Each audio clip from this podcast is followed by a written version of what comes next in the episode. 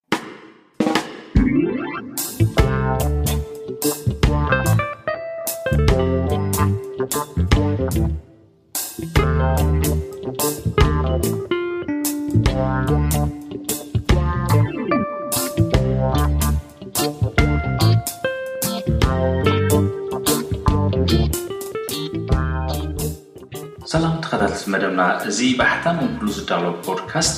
ብሓፈሻ ንኤርትራን ከባቢያን ጠቀስ ብፍላይ ድማ ንስነ ጥበብ ባህልን ሕብረተሰብን ኣብ ዝምልከቱ ጉዳያት ዘተ ዝካየደሉ መደብ ይጅምር ኣሎ ንምክታልኩም ድማ ብኣኽብሮት ንዕድም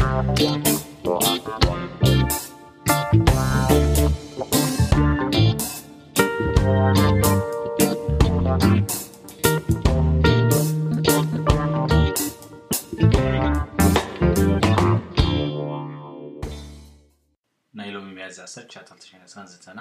ካብ ዝጠመ መትሎ እትብል መፅሓፍ ብሽሻይ ገብረሃንስ ዝተደርሰት ሓንቲ ካብተን ኣብኡ ዘለዋ ሓፀርቲ ዛንታታት ፍቕሪ ሃገር እትብል ዛንታ ኣብኣ ኣትኲርና ኢና ክንዛተ። ኣብዚ ዘተ ዝሳተፉ ድማ ሽሻይ ገብረሃንስ ባዕሉ ደራሲ ናይታ መጽሓፍ ምሳና ኣሎ። ከምኡውን ኣብርሃም ተስፋልኡል ብዛዕባ እታ መጽሓፍ ሓፈሻዊ ዝኾነ ገምጋም ጽሒፉ ዝነበረ ከምኡውን ኣብቲ ናትና ዌብሳይት ወይ ከዓ መርበብ ሓበሬታ እንኩሉ ዶት ኮም ኣብኡ እውን ክተንብቦ ትኽእሉ ኢኹም። ከምኡ እውን ፍቕረ የማነ ምሳና ኣሎ ኣብታ ብሓፈሻ ኣብታ መፅሓፍ ኣብ ስራሕ እንከላ ኣብ እንዳተፃሓፈት ከላ ርእቶን ሓሳባትን ዝህብ ዝነበረ ማለት እዩ ምስ ደራሲ ኮይኑ ሰለስቲኦም ኣብዚ መፅኦም ኣሎ ምሳና ክሳተፉ እዮም ኣብዚ ዝርርብ እንኳዕ ደሓን መፃኹም ብሎም ናይ መጀመርያ መኽፈቲ ዕላልና እምበኣር ብሽሻይ ገብረሃንስ ኢና ክንጅምር። ሽሻይ እዛ ዛንታ ፍቕሪ ሃገር እትብል ዛንታ ማለት እዩ ክትጸሓፍ ከላ ብኸመይ ተበጊሳ ካብ ምንታይ ተበጊስካ ጽሒፍካያ? የቐንየለይ ቴድሮስ ኣብርሃም ኣብርሃም ተስፋልኡል ከምኡ ውን ፍቕረ የማን ነቲ ዕድመ ኣኽቢርኩም ብምምጻእኩም ነዚ ዘተ ድልዋት ብምዃንኩም ከመስግነኩም ፈቱ ነዚ ዛንታ ክጅምሮ ክጽሕፎ ዝደረኸኒ ምኽንያት እቲ ዝሪኦ ነቲ ዝሓልፎ ዝነበርኩን ከማይ መንእሰያት እውን ዝሓልፎ ዝነበሩን ኮይኑ ብሕፅር ዝበለ ኣብ ዝተወሰነ ገፃት ናይ ሓደ መፅሓፍ ወይ ኣብ ዝተወሰነ ገፃት ናይ ሓደ ወረቐት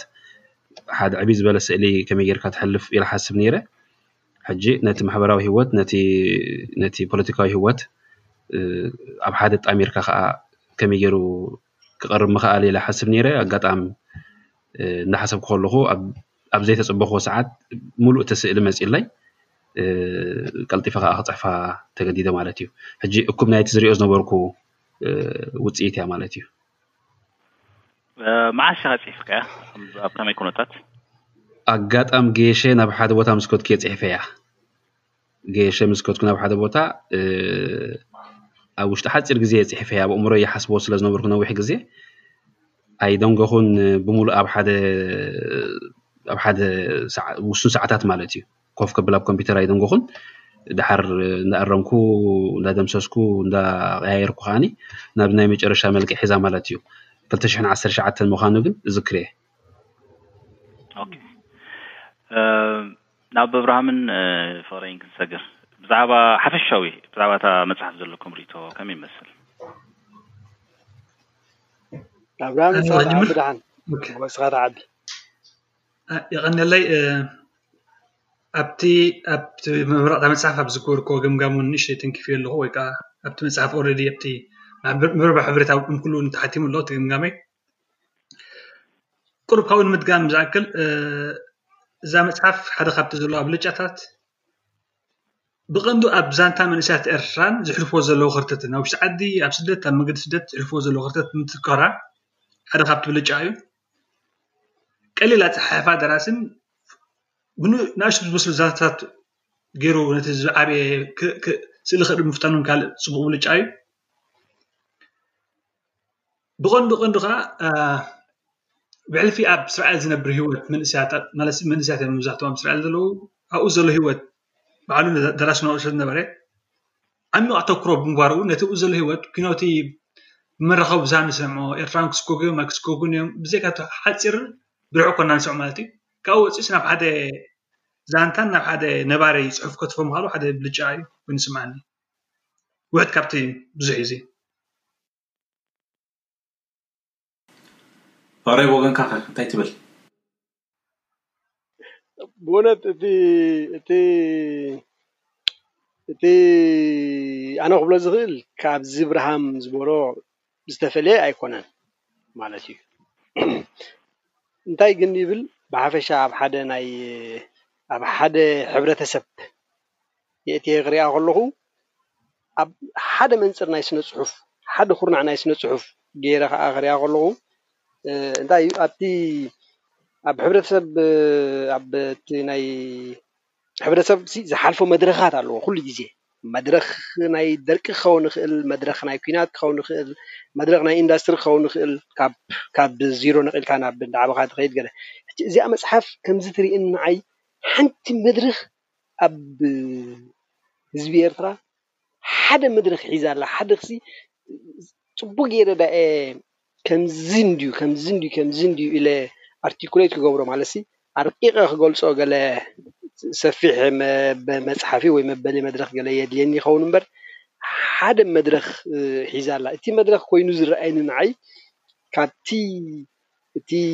ስደትሲ ካብቲ በብሓደ ምውጻእ ሕጂ እቲ ስደት ብጥቕልል ኢሉ ኣብ ኤርትራ ካብ ክልተ ሽሕ ዓመተ ምህረት ክልተ ሽሕን ሓደን እንድዩ ጀሚሩ ዳሕራይ ግን ከባቢ ክልተ ሽሕን ሽዱሽተን ክልተ ሽሕን ሸሞንተን ገለ እንዳበልና ምስ መጻእና ስደት ምውጻእ እንኳን ተሪፉስ ዋሕዚ ኔሩ ናይ ህዝቢ ኤርትራ ገለ ንደገ ገለ ማለት ናይ መንእሰያት ኤርትራውያን ገለ ሕጂ ካብቲ እዋን እቲ ጀሚራ ክሳብ እዚ ዝሓለፈ ናይ ኤርትራን ኢትዮጵያን ስምምዕ ሰላም ተገይሩ ዝበሃለሉ ዝነበረ እዋን ሓደ ሸነኽ ካብኡ ፅቡቕ ገይራ ተርኢ ኮይና ትስመዓኒ ንዓይ ማለት እዩ፡፡ እዚ ኣብቲ መንገዲ ሽዑ ከዓ ምስ ወፃእካ ኤርትራዊ ምስ መፀ እንታይ ይመስል ኣብቲ መንገዲ እንታይ ይመስል ነይሩ ምስ ወፃእኻ ኣብቲ ስደት እንታይ ይመስል? ሓደ ዓቢ ክፋል ናይ ሕብረተሰብ ኤርትራ እዩ እዚ ኣብ ደገ ዘሎ ዓቢ ከለ ነዚ ሓደ ኩርናዕ ናይዚ ናይዚ ሕብረተሰብ እዚ ሓደ ገጽ ኩርናዕ ደይለ ሓደ ገጽ ናይዚ ሕብረተሰብ እዚ ተርእየና ኮይኑ ይስምዓኒ ንዓይ በዚ እቲ እቲ ሓደ ጽቡቕ ነገራ ዝርእየላ ማለት እዩ ኣብታ ኣብርሃም እውን ዝጠቐሳ ገለ እቲ ቀሊል ኣጸሓሕፋ ቀሊል ኣጸሓሕፋ ቀሊል ቋንቋ ናእሽቱ ዝመስሉ ዛንታታት ግን ድማ ዓበይቲ ዓበይቲ ሕቶታት ዘላዕሉ ዛንታታት ማለት እዩ። ፖለቲካሊ ሕብረተሰባዊ ወይ ከዓ ማሕበራዊ ኣነባብራ ናይ ሓደ ሕብረተሰብ ገለ ማለት እዩ። ዘላዕሉ ዓበይቲ ነጥብታት ግን ከዓኒ ብቀሊል ብከምዚ ዕላል ዝመስል መንገዲ ተቀሚጦም ምህላዎም ከዓ ንዓይ ደስ ትብለኒ ማለት እዩ ወይ በዚኤን ሸነክ እዚኤን እየ ሪኣ ነዛ መፅሓፍ። ኦኬ እዚ ሓፈሻዊ ርእይቶ ብዛዕባ እታ መፅሓፍ ብጥቕሉ ማለት እንድዩ ኣብታ ዛንታ ክንምለስ ፍቕሪ ሃገር ፍቕሪ ሃገር ክበሃል ከሎ ፍቕሪ ሽሻይ ንዓኻ እንታይ ማለት እዩ? ፍቅሪ ሃገር ክበሃል ከሎ በቲ ኣብኡ ዘሎ ዛንታ ንሱ ብሃገሩ ዝግደስ ኮይኑ ፖለቲካዊ ንጥፈታት ሓንሳብ ኣብዚ ደው ከብለካ ንእሽቶ መታን እቲ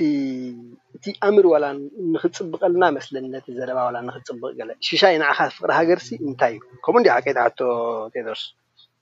ንኣኻ ፍቅሪ ሃገር ሲ እንታይ እዩ ካብቲ ዛንታ ወጺናስ ንዓይ ኢኻ ትብለኒ ዘለኻ ፍቅሪ ሃገር ማለት እንታይ ማለት ሽዑ ናብኡ ክንኣቱ ኢለ እወ ፍቅሪ ሃገር ማለት ንሃገርካ ዘለካ ስምዒት ንሃገርካ ዘለካ ፍትወት ዝገልጽ ስምዒት ኮይኑ ሲ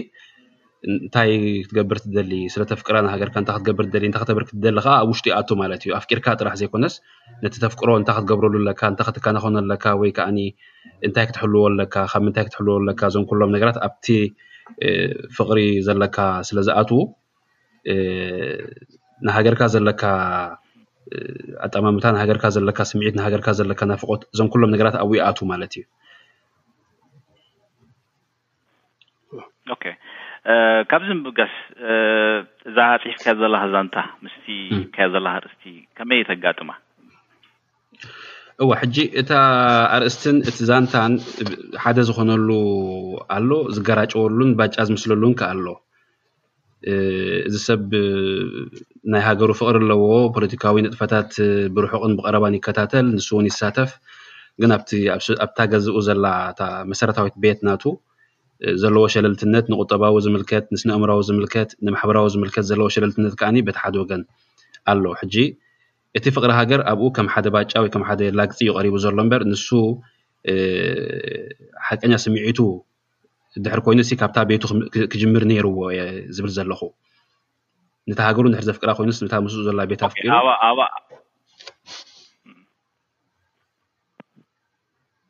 ተቐፅሎ ኣላ ያ ከምኡ እየ ዝብል ዘለኹ ሕጂ እሱ ሕጂ እቲ ፖለቲካዊ ንጥፈታት ናይ ሕብረተሰቡ ኣብ ርሑቕን ኣብ ቀረባን ምክትታል ንዕኡ ከም ሓደ ዓብዪ እሹ እዩ እታ ኣብ ገዝኡ ዘላ ሽግር ግን ከም ሓንቲ ዓባይ እሹ ኣይኮነትን፣ ከም ሓንቲ ዓባይ ነጥቢ ወይ ብድሆ ኣይኮነትን። ስለዚ ተገራጫዊ ይኸውን ኣሎ እቲ ናቱ ድሌት። እቲ ርእስቲ ግን እቲ ናቱ ስምዒታት ግን ካብ ፍቕሪ ሃገር ዝብገስ ምዃኑ የምስሎ። እቲ እሱ ዝከታተሎ ዘሎ እሱ ዝገብሮ ዘሎ ንጥፈታት ኣኼባ ምስታፉ፣ ገንዘብ ምውጻኡ፣ ብርሑቕ ዘለዉ ነገራት ምክትታሉ ከም ናይ ሃገር ፍቕሪ ዘለዎ የምስሎ። ግን በንጻሩ ከኣኒ ኣንጻርቲ ንሱ ዘፍቅራ ዘሎ ሃገር ከኣ ይኸይድ ኣሎ መዓልታዊ ሂወቱ ማለት እዩ። ከምኡ ዶ ከ ኣይኮነን ምናልባት ኣብርሃም ወይ ፍቅረይ እዚኣ ንዓኹም ማለት እዩ ከምኡ ይኮነን ድዩ እቲ ፍቅሪ ሃገር ክበሃል ከሎስ ኩሉ ነገር ምርሳዕ ዶ ኣይኮነን ሃገርካ ኢልካ ዋላ እቲ ውልቃዊ ሂወትካ ምርሳዕ ደቅካ ምርሳዕ ሓዳርካ ምርሳዕ ኣይኮነን ዲኸ ግድን ድዩ ንኩሉ ክተማልኦ ዘለ ኣይኮነን እንድሕር ኣነ ክምልስ ኮይነ ማለት እንድሕር ኣነ ሓሳባተይ ክብ ኮይነ ኣብርሃም ክትሕግዘኒ እንተኽኢልካ ኣብታ ኣብታ ሓንቲ ግጥሚ ናይ ማሕሙድ ማሕሙድ ዳርዊሽ ዘላ ኣለኻ ዋላ ኣለኹዋ ቀጽል እሞ ነዚ ግጥሚያ እታ እታ ንዓይሲ ፍቕሪ ሃገር እቲ ቡን ምስ ኣደይ ኮፍ ኢልካ ምስታይ እዩ ትብል ምሻል ኣታ ንግሆ ቡን ኣብ ገዛ ኮፍ ኢልካ ምስታይ ምስ ኣደይ እዩ ፍቕሪ ሃገር ከምኡ እንድያ ተስምዕ እታ ኣደ ክትብል ከላ ሕጂ ኣብዚኣ ቁሩብ እዛ ዘረባ ከስፍሓ እየ ዳሕራይ ናብታ ዛንታ ክንምለስ ኢና ቁሩብ ክውስኸላ ማለት እዩ ከግፍሓ ፍቕሪ ሃገር ማለት ንዓይ ኣብቶም ዓበይቲ ናይ ፖለቲካ ኣምራትን መግለጺታት ንሃገርን ሃገራውነትን ዝጥመር ኣይኮነን ንዓይ ፍቅሪ ሃገር ንዓይ ፍቅሪ ሃገር ሲምፕል እዩ ንግሆ ወፊርካ ገዛ ሃልዮምካ ገዛ ሃልይካ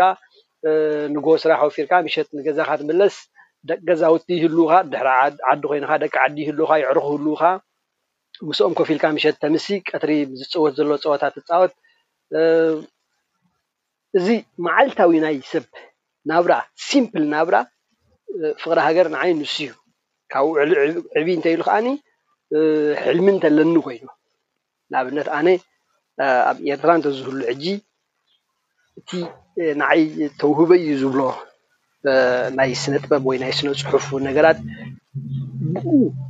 ብጽቡቅ እንተ ብሕማቅ ብኡ ክሰርሕ ምክኣል ብኡ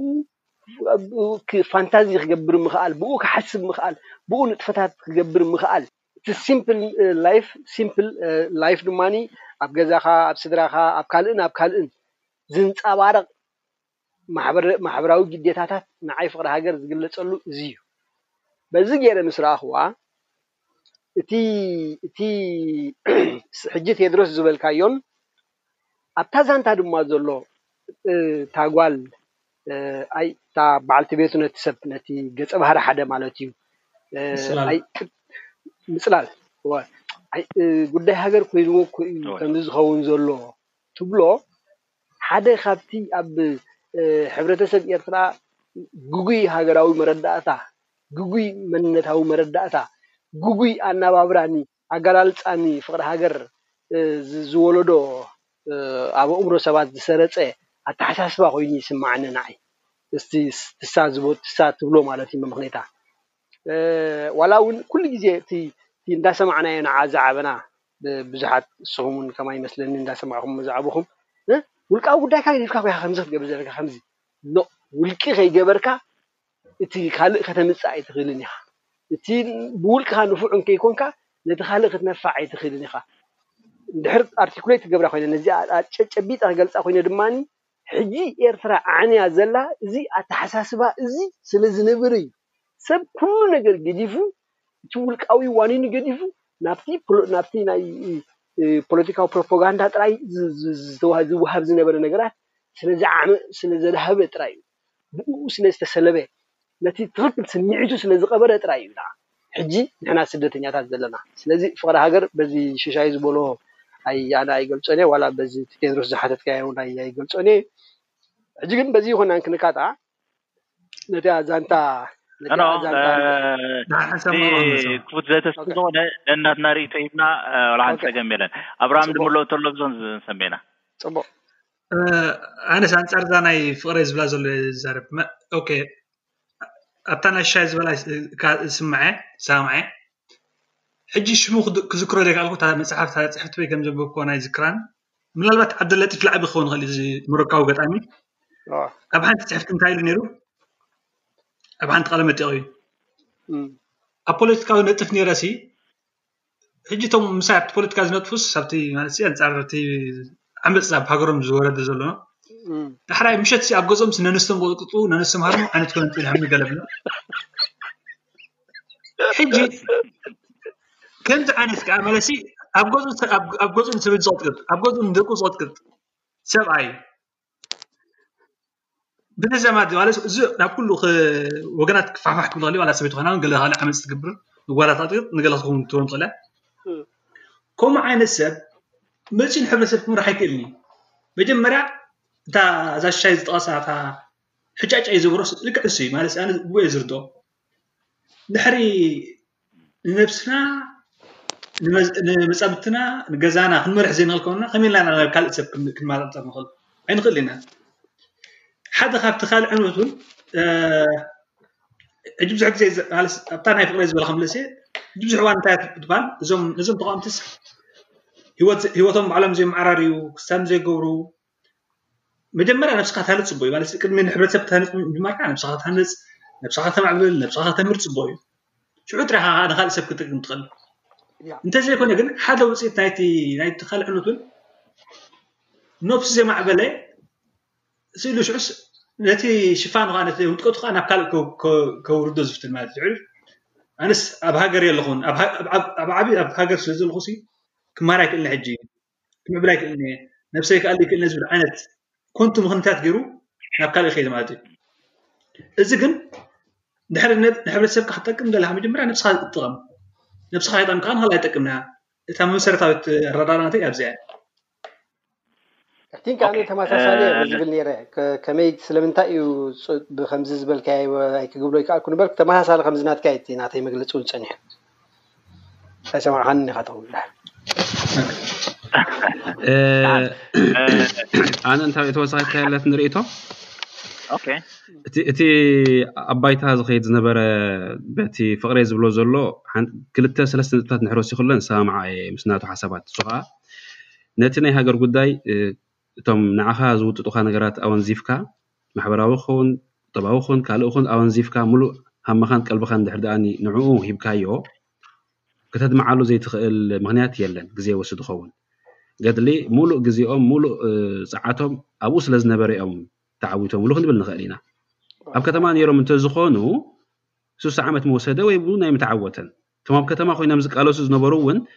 ሙሉእ ሃሞም ቀልቦም እቲ ስድራቤት መሸፈኒ ዝኣሉ እምበር ሙሉእ ሃሞም ቀልቦም ናብቲ ሃገራዊ ጉዳይ እዩ ነይሩ። ኣብ እስራኤል ግን በንጻሩ እዩ ነይሩ። እቲ እስራኤል እቲ ሃገር ተወሳኺ ብድሆ ነይርዎ እቲ ስደተኛ ዝበሃል መሰል ንክወሃበካ ካልእ ቃልሲ የድልዮ ነይሩ። እዞም ብደለይቲ ፍትሒ ዝፍለጡን ዝንቀሳቐሱን ዝነበሩ ብጉጅለ ይኹን ብውልቀ ሰባት ግን እታ ኣብታ ሃገር ዘላ ሽግሮም እውን ኣይፈትሑዋን ይትረፍ ናይ ሃገር ሽግር ክፈትሑ። እዚ እቲ ኣነ ዘንብቦ ዝነበርኩ እዩ። ኣብታ ሃገር ዘላ ሽግር ቆልዓን ሰበይትን ስደተኛ መሰል ከይተዋህቦም እንዳነበሩ ከለዉ ነቲ ናይ ስደተኛ መሰል ከኣ እንዳዓናቐፍዎ ከለዉ ባዕሎም ብፍቕሪ ሃገር ግን እቃጸሉ ነይሮም። እዚ ሕጂ ላግጺ እዩ። ቀዳማይ ቀዳማይ ኣብ ገዝኦም ዘላ ስድራ ቤት ኣይተዓረየትን ብዙሓት ዝሪኦ ዝፈልጦ እዩ እዚ ካልኣይ እቲ ሃገር ኣብቲ ሃገር ዘሎ ሕብረተሰብ ብምሉእ መሰሉ ኣይተሓለወሉን ኣንጻርታ ምስኦም ዘላ ስድራ ቤትን ኣንጻርቲ ብምሉእ ሕብረተሰብን እዮም ዝቃለሱ ጠጠው ኢሎም ኣፎም መሊኦም ነታ ሃገር ግን የፍቅርዋ እዮም በታ ሃገር ግን ይሓስቡ ሕጂ እዚ ኣቃጫጭ ጸወታ እዩ በቲ ንእስነት በቲ ግዜ በቲ ገንዘብ በቲ ሞራል በቲ መጻኢ ምጽዋት እዩ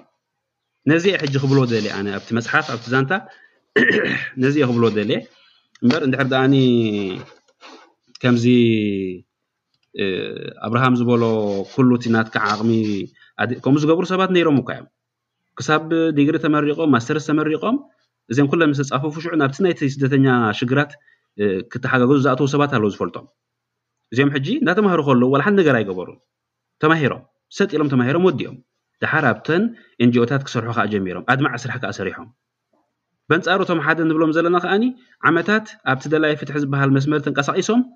እቲ ስደተኛ መሰሉ ንኸይሕሉ ንኸይረክብ ተቓሊሶም እታ ስድራ ቤቶም ከኣ ኣይሃንጽዋን ሕጂ ካብዚ ዝዓቢ ቃጫጭ የለን እዚ ኩሉ ትዕዝብቲ እዩ ናብኡ ወሲዱኒ ንዓይ ተስፋ ገብር ምልስያ ክኸውን። ኦኬ እቲ ኣርእስቲ ኣርእስቲ ገፊሕ እዩ ከምኡ ውን ከምቲ ኣንቶይ ዝጠቐስኩሞ ግጥሚ ናይ ሞሮካዊ ገጣሚ ናይ ኡሙን ናይ እቲ ኢራቓዊ ይመስለኒ ንሱ ዝመሳሰል ውን ናይ እንግሊዛዊ ዊልፍረድ ኦውን ኣብ ቀዳማይ ውግእ ዓለም ንዕኡ ንዕኡ ዝምልከት ዝጸሓፈት ግጥሚ ኣላ፣ ፍልጥቲ እያ ብ እንግሊዝኛ፣ ዶልቼ ኤት ደኮሩም ኤስት፣ ክሳብ ክንደይ ምቁርን ክብርን ኣሎዎ ንሃገርካ ምሟት፣ ገለ ዓይነት እዩ ተሽሙ። ኣብቲ ቶን ግን ከምዚ ሕጂ ሽሻይ ዝብሎ ዘሎ ባጫ ክህሉ ይኽእል እዩ። ቶምቦላ በብዓቕምኻ በብቲ ዝስምዓካ ክትርጎም ይኽእል እዩ። እትዩ ከኣ እቲ ጽባቐ ናይ ግጥሚ ኹን ናይ ስነ ጽሑፍ መስለኒ እዚኣ ናይ ፍቕሪ ሃገር ትብል ሃጸር ዛንታ ውን ብኸምኡ ክንርዳእ ንኽእል ኢና በብቲ ዝስምዓና መስለኒ ካብዚ ኣርእስቲ ውፅልና ናብታ ሽሙ ክንከይድ ናብ ገጸ ባህርያት ንኣብነት ምፅላል ኣላ ኣጓል ኣንስተይቲ ጠባይ ኣብኣ ዘለኩም እንታይ ሽሙ ክትሕብሩኒ መጀመርያ ብሽሻይ ክጅምር ሽሻይ ንዓ ስእሊ ዝኾነትካ ሰብ ገለ ኣላ ዶ ብሂወት መጀመርያ ኖ ኖ የላን እሱ ኣይ የለን የ- ከምኡ የላን ግን እ፣ እቲ ህይወት ናይቲ ሰብ እ፣ እንድሕር ርኢኻዮሲ ኣብቲ ስድራቤት ዝፈጥሮ ጽልዋን እሱ ዝፈጥሮ ካራክተር ክኣ ይረኣየካ ብኸምኡ ጥራሕ እየ ሃኒጸያ እምበር ንሳስ ኣብ ዝኾነ ኣይረኣኹዋን ወይ ክኣ ኣይጓነፈትንን። ኦኬ ኣባኹም ከ ከመይ ረኺብኩማ ከም ጠባይ ከስኹም ኣብራም ንፍቕረኝ? ኣነ ክጅምር ተኾይነ ኣዛሊ እንትኾና ስምዓትኒ ማለት ሳዕ ክንዱ ዓይነት ዋላ ናይ ፀሓፊ እንከላይ ነቐፌታ እየ ኣብዚ ዘቕርብ ዘለዎ ሕጂ ምናልባት ክንዕብዮ ንኽእል እዚ ማለት ስለምንታይ ክሳዕ ክንዱ ዓይነት ልኡምነት ወይ ክሳዕ ክንዱ ዓይነት ተመዛዝነት ትገብራ ናይቲ ወዲ ብልጫ ድዩ ናይ ማለት ከምዚ እዞም ሓላፍነት ዘይስምዖም ግን ነቶም ግዜያዊ ረብሓታትን ግዜያዊ ክስታይኖም ጥራይ ጥዑም መልሓስ ተዛሪቦም ዝኸዱ ድዩ ምክንያቱ ውፅእ ኢልና ዳሕራይ እውን ኣብቲ መንገዲ ኣኼባ ንሪኦ ኢና ምስተን ካልኦት ደቂ ኣንስትዮ ዝገብርኦ ከምኡ ዓይነት ናይ ናይ ምኩሻም ማለት እዩ እሳ ግን ደቂሱ ንባዕሉ ተኸፍሉ ዝውዕል ኣብቲ ገዛ ቆልዓ ናይ ኣእምሮ ፀገም ዘለዎ ቆልዓ ዘለዎም ስራሓት መፅእ እሳ ስራሓት ትቕልቦ ዋላ ኣብኡ ገዛ መፃወን ሲ ኮፍ ኢሉ ዕሉስ ንሸቓቕ ዝቃፅፃ ትኩሉ ኣብቲ ሕማቕ እዋና ዓይነት ሰብ ሲ ሕጂ ከምዚ ዓይነት ንሕውርስ ንሕርስ እንታይ ትፅብ ማለት ሲ ካብዚ ኣላዕልካ ዝቐትለካ ሰብ የለን ሽዑ ግን ኣብታ ዝበላ መምሸት ከዓ ምፅኢ ናብቲ ከይትኸዲ ናብቲ ከዓ ምፅእ ክብላ ከለዋስ ስኢላስ ተን ዝበላስ ተተግብር ሕጂ ከም ሓንቲ ገፀ ባህሪ ኣዝያ ልእምቲ ኮይና ትስምዓ ገርም ድዩ በያ ከምዚ ንዝኾነ ንመሰላ ዘይትቃለስ ንመሰላ ክትለዓል ዘይትዳሎ ዘላ ብዘይካ እሺ ኢላ ምቕባል ካልእ ኣማራፂ ዘይብላ ወይ ከዓስ ናብ ከምኡ ዓይነት ኩነታት ዝወረደት ኮይና ትስምዓትኒ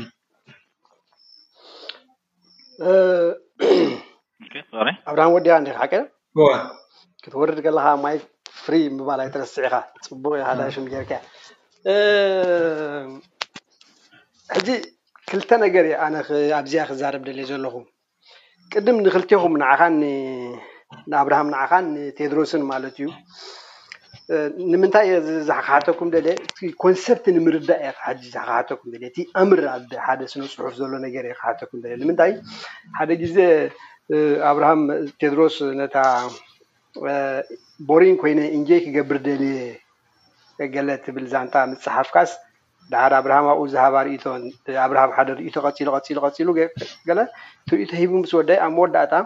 ንደቂንስትዮ ዝሃበተን ታራን ደቂ ነቲ ደቂንስትዮ ጌራ ዝረኣየተለን ኣጠማምታ ግን ክርእዮ ደለኹን ይብል ኣብታ ክርእዮ ደለኹን ሕጂ ደስ ዘይበሎ ነገር ከም ዝነበረ ኣብኡ የስምዕ ማለት እዩ ልክዕ ከምዚ ሕጂ ዝብሎ ዘሎ እቲ ደራሲሲ ከመይ ጌሩ ንደቂ ኣንስትዮ ከምዚ ጌሩ ይሪኤን ዝበለ ይመስል ማለት እዩ ምናልባት እቲ ሪኢቶ ትዝክሮ ተኾንካ ኣብርሃም ወይ ባዕልኻ ቴድሮስ እባ ቴድሮስ ትዝክሮ ተኾንካ ወይ ከኣ ባዕልኻ ኣብርሃም ማለት እዩ ሕጂ እቲ እቲ እቲ ስራሕ ናይ ናይ ሓደ ናይ ሓደ ደራሲ ወይ ናይ ሓደ ጸሓፊ ኣብ ዛንታታት ኣብ ምህናጽ ማለት እዩ ነቶም ዛንታታት ምህናፅ ጥራይ እዩ ነቶም ገፀ ነቶም ዛንታታት ዛንታታት ምስ ዛንታ ምስ ፈጠረ ነቶም ገፀ ባህርያት በቲ ነቲ ዛንታ ዝሰማምዖ መንገዲ በቲ ነዛ ነቲ ዛንታ ዝመስልዎ መንገዲ ገይሩ ምህናፅ ጥራይ እዩ ስርሑ እምበር ማዕርነት ደቂ ኣንስትዮ ከረጋግፅ መሰል ደቂ ኣንስትዮ ክሕሉ እንታይ ክገብር ኮታስ ስራሕ ጠበቓ ክሰርሕ ወይ ስራሕ ከምዚ ናይ ናይ ዝኾነ ሓደ ሓደ ኣካል ምሽ ኣሎ ንመሰላትን ገለን ገለን ዝሰርሕ ከምኡ ክሰርሕ ይኽእል እዩ ከመይ እያ እዚ ሕቶይ ተረዲእኹም ዘለኹም ክልቴኹም መልሱ ብርሃንን ቴድሮስን ኣብዚኣ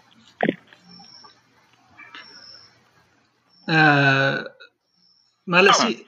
እዚኣስ ናይ መሰረታዊ ከምዚ ኣብ ስነ ፅሑፍ ናብ ነቕፌታዊ ህጋዊ ኣፀሓሕፋስ መሰረታዊት ነገራ እዚኣ ሓደ ደራሲ ምክንያቱ ደራሲ ነቲ ሕብረተሰብ ሰኣሊ ዘይኮነስ እንከላይ መራሒ እንከላይ እንድዩ እቲ ክኾኖ ዝግብኦ እንከላይ እንድዩ ክኸሪ ስለዚ ነቲ ሕመቑን ነቲ ፅቡቑን ምድጋም ዘይኮነስ ቁርብ ፍንትት ኣቢሉ ንስ ነቲ ፅቡቕ ነገር ክመርሕ ኢና ንፅበዮ ነው ስለዚ ሕጂ ንኣብነት ንበሎ ድሕሪ ከመይ ፀለምቲ ከመይ ሪፕረዘንት ተገይሮም ኣብዚ ፊልም እዚ ደቂ ኣንስትዮ ከመይ ሪፕረዘንት ኮይነን ማይኖሪቲ ከመይ ሪፕረዘንት ኮይኖም ዝበሃል ኣብ መብዛሕትኡ ዓይነት ኣፀሓሕፋ ብሕቲ ፊልምታት ይዝረብ እዩ እዚ ምክንያቱ እንከላይ ነቶም ደረስቲ ተራ ስለ ዝኾነ እዚ እንድሕሪ ብሕማቅ ገይሮም ሪፕረዘንት ገይሮሞም ዋላ እኳ ምኸምኡ እንዲኦም ዋላ ክብለና ዋላ ይኽኣል እምበር ስትል ግን ፈጣሪ እውን ስለ ዝኾንካ እቲ ደራሲ ፈጣሪ እውን ስለ ዝኾነ ተራ ኣለዎ ነቲ ዘሎ ንብሎ ኣጉል እምነታት ድዩ ነቲ ዘሎ ጌጋ ነቲ ዘሎ ስሩዕ ሕዱር ርድኢታት ንዕኡስ ከተተዓራርዮስ ተራ ኣለካ ንስኻ ከምዚ ዘሎ ክትደግሞ ዘይኮነስ ብገለ መገዲ ከተተዓራርዮ ከኣ ተስፋ ከተርእዮስ ተራ ኣለካ ከም ደራሲ። ኦኬ ጽቡቅ ሕጂ ከምዚ ነዚ ዝበልካዮ መደገፍታ ዝከውን ቴድሮስ ዳሕራይ ሪኢቶ ክሃብካ መደግ መ ተረዲኤካ ከም ዘለኩ ውን መደገፍታ ማለተይ እየ ክዝህብህበካ እታ ናይ ሄንሪክ ኢብሰን ናይዚ ነርወጃዊ ጸሓፊ ድራማ ዳሕራይ እዚ እንዳ ሽም ኦኬ ሕጂ ቢለዮ ኣለኩ ናይ ሄንሪክ ኢብሰን ዞር እንታይ እታ ዘሎር እታ እታ ሽው ድኮ የምን ድያ ትብል ዘዶሎ ንሳ ኣላ ምሽ ብትግርኛ እታ ዳሓንኩኒ ውሻጣ ዓይነት ማለት እዩ ምሽ እወ ሕጂ ኣብኣ እቲ ኩሉ ፕሮሰስ ምስ ከደ ምስ ከደ እታ ሽማ ሃበኒ ሽማ ረሲዐዮ ነቲ ማዕጾ ገም ኣቢላቶ ዝኸይድ ገለ ሽማ ሃበኒ ሃና ሃና ድያ ከምኡ እንታይ እያ ሽማ ዳሓን ሕጂ ሽማ ረሲዐዮ ኣለኹ ገለ ሃና እያ ዳሓን ኖ ሃና እያ ሕጂ ስማ ድሓን ረሲዐዮ ኣለኹ እዛ ዘንቲ ማዕተብ ሕጂ ኣየብልን'ዩ ገለ ድገም ኣቢላ ተትኸይድ ሽዑ ሞራል ናይታ ፊልሚ እዚ ኣብርሃ ሞራል ናይታ ድራማ እዚ ብርሃን ትብሎ ዘለኻ ነገር ኣብኡ ንርእዮ ማለት'ዩ እዚ ትብሎ ዘለኻ ኮንሰፕት ኣብኡ ንርእዮ ማለት'ዩ እዚ ክኸውን ግን እቲ መሰረታዊ መሰረታዊ ኣተሃናንጻ መሰረታዊ ናይታ ድራማ ናይታ ድራማ ተኾይና ድራማ ዛንታ ተኾይና ዛንታ ሕጂ ኣብዛ ነጥቢ እዚኣ ከኣ ንዛረብ ዘለና ኣብዛ ናይ ናይ ሽሻይ ማለት እዩ እቲ መሰረታዊ ዕላማ ናይታ ዛንታ እቲ ከንቱነትን ምስሉይነትን ናይቲ ኤርትራዊ ስደተኛ ኣብኡ ዝነበረ ንኣብነት ናይቲ ወዲ ሕጂ እቲ ወዲ እንዲ ነቲ ብዙሕ ነገር ዝውክለልና ማለት እዩ ነዚ ንኸርእን ብሓፈሻ እቲ ህይወት ናይ ኤርትራውያን ኣብ እስራኤል እንታይ ይመስል፣ ጠንቁ እንታይ እዩ፣ ብሰንኪ ከምኡኸ እንታይ ይስዕብ ኣሎ ንኸርኢ እያ እታ ዛንታ ተሰሪሓ ዘላ። ስለዚ ከምዚ እንተኾይኑ ድሕር ኣነ ኣትሊስት ዝተዋሓደስ ከምኡ ኢለ ኣነ ዝትንትና ማለት እዩ። ስለዚ ከምዚ እንተኾይኑ ነታ ጓል ብከምዚ ተገሊጻቶ ዘላ እሞ ትኸይድ ዳሕራይ ኣብቲ መወዳእታ ንሪኦ ከም ንሪኦ ማለት እዩ እቲ ኣቃጫጭ ዋላ ይመጽእ ኣይ እንታይ እሞ ፍቕሪ ሃገር እንዲ ዋላ ሓንቲ ከምዚ ተጎሲሶም ኮይኖም ከምዚ ኮይኖም እቲ ናይ ኣኼባ ዳሕራይ ክንዛረበሉ ንኽእል ንኽእል ነገራት ማለት እዩ እቲ ከንቱነት ናይቲ ወዲ እውን ጥዑይ ጌርና ንሪኦ ማለት እዩ ናይታ ጓል ልኡምነት ኣይኮናን ንርኢ ሕጂ በቲ ከምዚ በቲ ከምዚ በቲ ከምዚ ዝኣመሰለት ነገራት ክንርኢ ከለና ናይቲ ወዲ ከንቱነት ብናይታ ጓል ልኡምነት ናይቲ ወዲ ከንቱነት ዳ ኢና ጽቡቕ ጌርና ንርኢ እምበር ናይታ ጓል ልኡምነት ኣይኮናን ንርኢ ምክንያቱ ንምንታይ እንዳኸደ ከሎ እቲ ዛንታ እውን እንታይ ኢና እንታይ ኢና ኣብኡ ንዕዘብ ብሓፈሻ እቲ ስደት ናይ ኤርትራውያን ካብ ኣብኡ ምፅእ ምስ በሉ ዕልብ ምስ በሉ ካብ ዘየለ መፂኦም ዱብ ምስ በሉ ኣብኡ ዝፍጠር ሂወትን እንታይ ከም ዝመስልን ናይቲ ዳሕራይ ናበይ ገፁ ከም ዘምርሕን ኢና ንርኢ ኣብኡ ጉዳይ ጉዳይ መሰል ጉዳይ መፃኢ ጉዳይ ካልእ ካልእ ኣይኮናን ንርኢ ዘለና ብሓፈሻ ሓደ ዝተዋጃበሮ ወይ ከኣ ከምዚ መሃነኑ ዝጠፍኦ ሕብረተሰብ ኣከምቲ እስራኤል ምስ ተቐመጠ እንታይ ከም ዝመስል ኢና ከኣ ጥቕልል ኣቢልና ንርኢ እምበር እዚ እዚ እቲ ልኡምነት ናይታ ጓል ሕምቀት ናይታ ጓል ወይ ገለ ይኮና ንርኢ። እዛ ድራማ እዚኣ ኣብ ኤርትራ ነይራ እንተትኸውን ሽዑ እታ ጓል ከምኡ ምዃና ብዛዕባ መሬቶም ዘለዎም ሰባት ብዛዕባ ተራ ሕብረተሰብ ኢና ንዛረብ ዘለና እዚ ግን ንርኢ ዘለና ብዛዕባ ካብ ሓደ ካብ ዘየለ መጺኦም ኣብ ሓደ ቦታ ዱብ ዝበሉ እሞኒ ሽዑኡ መሃነኖም ዝጠፍኦም ሽዑ እንታይ ከም ዝመስል ህይወቶም ኢና ንርኢ ዘለና ኣብዚ እዚ ጥቕልል ዝበለ ናይታ ናይታ እዚ ሓጻር ዛንታ መልእኽቲ ድማ እቲ ከንቱነት ናይቶም ሃገር ሃገር ሃገር እንዳበሉ ዝዛረቡ ሰባት እንታይ ከም ዝመስል እቲ ከንቱነቶም ተርእየና ኮይኑ ንዓይ ይስምዓኒ። ስለዚ እዚ ምስ በልኩ ሓዊሰ ክዛረብ ተኮይነ ማለት እዩ እታ ኣተሃናንጻ ናይታ ናይ ክልቲኦም ገጸ ባህሪ ናይቶም ናይቲ ወድን ናይ ምጽላልን ማለት እዩ ትወዲ ሽማወዲ የብሉን ሕጂ እንድዒ በረኸት በረኸት ያ ናቱ ዋላውነት ብሓፈሻ ነታ ስድራ ኣተሃናንጻ ከምዚ ዝፈልጦም ሰባት ብኣካል ገለ ዝፈልጦም ኮይኖም ይስምዑኒ ንዓይ ንሳቶም ከምዚ ዝሪኦም ገለ ገለ የሕርቑኒ ከኣ ትኸውን ምዃኖም ንዓኣ እውን ከምኡ እንዳተሰማዓኒ ሕጂ ኣብዚ እቲ ኣታናንጻ ገጸ ባህሪ ንዓይ ከምዚ ዝኣመሰለ ተምሳጥ ይፈጥረለይ ማለት እዩ ልዑል ኣታና ልዑል ክእለት ዝሓለፎ ክብሎ ይኽእል ኣነ ኣብቲ ተሃናጻ ናይቶም ገጸ ባህርያት ማለት እዩ እዚኣ ምስኣ እንድሕር ወዲ እንድሕር እንድሕር ወዲ ኮይኑ ፍቅረይ ናታ ናይ ኣብርሃም ኣላትኒ ክልተ መልስታት ሓደ እታ ጓል ናብ እንዳ ኣዕርኽቱ ንዕኡ ክኸይድ እየ ምባላሲ ሓደ መልእኽቲ እዩ ብተዘዋዋሪ መንገዲ እንድሕር ስኻ ዘይሃሊኻ ምሳይ ካልእ ኣማራጺ ኣለኒ ናብ ኣዕርኽትኻ ድዩ ናብ መሓዙተይ ድዩ ናብ ካልእ ድዩ ክኸይድ እየ ኣትብሎ ዘላ ኢሚድየትሊ ከዓ ቅንኣት ስለ ዝተሰምዖ ነቶም ሰባት ፀዊዑ ናብ ካልእ ይቆፅሮም ክትከዶ እውን ኣይደልን ዘሎ እሱ ፈትዋ እዩ ንሳ ከዓኒ እንድሕር ደኣ እሱ ዘይሃልዩ ወይ እንድሕር እሱ ዝኾነ ነገር ገይሩ ሲ ካልእ ኣማራፂ ኣለዋ ብወያ ትገልፆ ዘላ ነቲ ኣማራፂ ከም ዘለዋን ኣብኡ ተኣሲራ ክትነብር ከም ዘይትደልን ዋላ እኳ ደሓር ኣብቲ መእተዊ እውን ኢልናዮ ዘለና ምስዚስ ክነብር ኣይክእልን እየ ክፋታሕ እየ ትብል እሞ ግን ፍቕሪ ሃገር ኢላ ከዓ ነብሳ ትምልስ ኣላ ነብሳ ተፀናንዕ ኣላ ሕጂ እሳ ግን ክትከይድ ከም ትደልን ከም ትኽእልን ኣሎ እቲ ንሳ ትዛረቦ ፍንጪ ናብ እንዳ ክስቶ ክኸይድ እየ ምስ በለቶ ክዘናጋዕ ንሕርስኻ ዘይሃሊኻ ምሳይ ኖ ኣይትኺድ ደሓነ ኣብ ከምዚ ቦታ ክንከይድ ናይ ኢሉ ከኣ እሱ መልሳ ማለት እዩ ሕጂ ከምቲ ፍቅሬ ዝበሎ እቲ ናተይ ኣተኩሮ ኣብ መሰልን ዘይመሰልን ኣይኮነን እንድሕር ደኣ ከምዚ ክገብሩ ኣለዎም ኢለ ካልኦት ሰባት ከኣ ከምዚ ክገብሩ እውን ይኽእሉ ነይሮም ክብሉ ይኽእሉ እዮም። ኣነ ሕጂ ኣብ ከምኡ ክኣቱ ኣይመረጽኩን። ጥራሕ እቲ ስእሊ እቲ ባይታ ዘሎ ክውንነት ከመይ ጌርካ ነቲ ሰብ ትነግሮ ሽዑ እቲ ሰብ ባዕሉ ይሓስብ ወይ ባዕሉ ኣይሓስብን ንዕኡ ይምልከት ማለት እዩ። እቶም ካልኦት መልእኽትታት ናተይ እቶም ኣብኡ ዘለዉ ስድራ ቤትቶም እታ ስድራ ቤት ባዕላን ክሳብ ናብቲ ኣኼባ ዝኸይድን ነቲ ናይቲ ሰብ እንታይነት እንዳሃነጹን እንዳራጎዱን ዳኣሎም ዝኸዱ እምበር ኣገደስቲ እውን ኣይኮኑን ኣብቲ እንዳ ሽሻ ዝረኽቦም ሰባት ነቲ ናቱ ናይ ሓሶት ልምዲ፣ ነቲ ናቱ ናይ ኣምሰሉነት ልምዲ ንክንጸባርቑ ጥራሕ እዮም ኣብኡ ዝጸንሕዎ። እታ ጓል ከኣ ረኽባ። ንሳ እውን ንዕኡ ተንጸባርቖ መሊሳ። ገዲፍዋ ከኣ ከይድ ንዓኣ። ንሳ እውን እቲ ገዲፍዋ ምኻዱ እውን ነቲ ናቱ ከንቱነት ወይ ከኣ ኣብ ሓደ ዝበሎ ዘይምርጋጹ እያ ተራጉዶ ዘላ እንዳ ገለጸቶ እንዳ ሃነጸቶ ትኸይድ ዘላ እምበር ብዙሕ እውን ኣገደስቲ ኣይኮኑን። እቲ ኣገዳሲ ንሱ ኣብ ዝብሎ ዘሎ ከም ዘይነብር፣ ንሱ ነቲ ዝብሎ ዘሎ ከም ዘይገብሮ እዩ እቲ ዝዓበየ ስእሊ ናይቲ ዛንታ። ሕራይ ማር ክቡራት ተኸታተልቲ ድሕሪ ሓጻር ናይ ሙዚቃ ዕረፍቲ ክንምለሰኩም ኢና ነዛ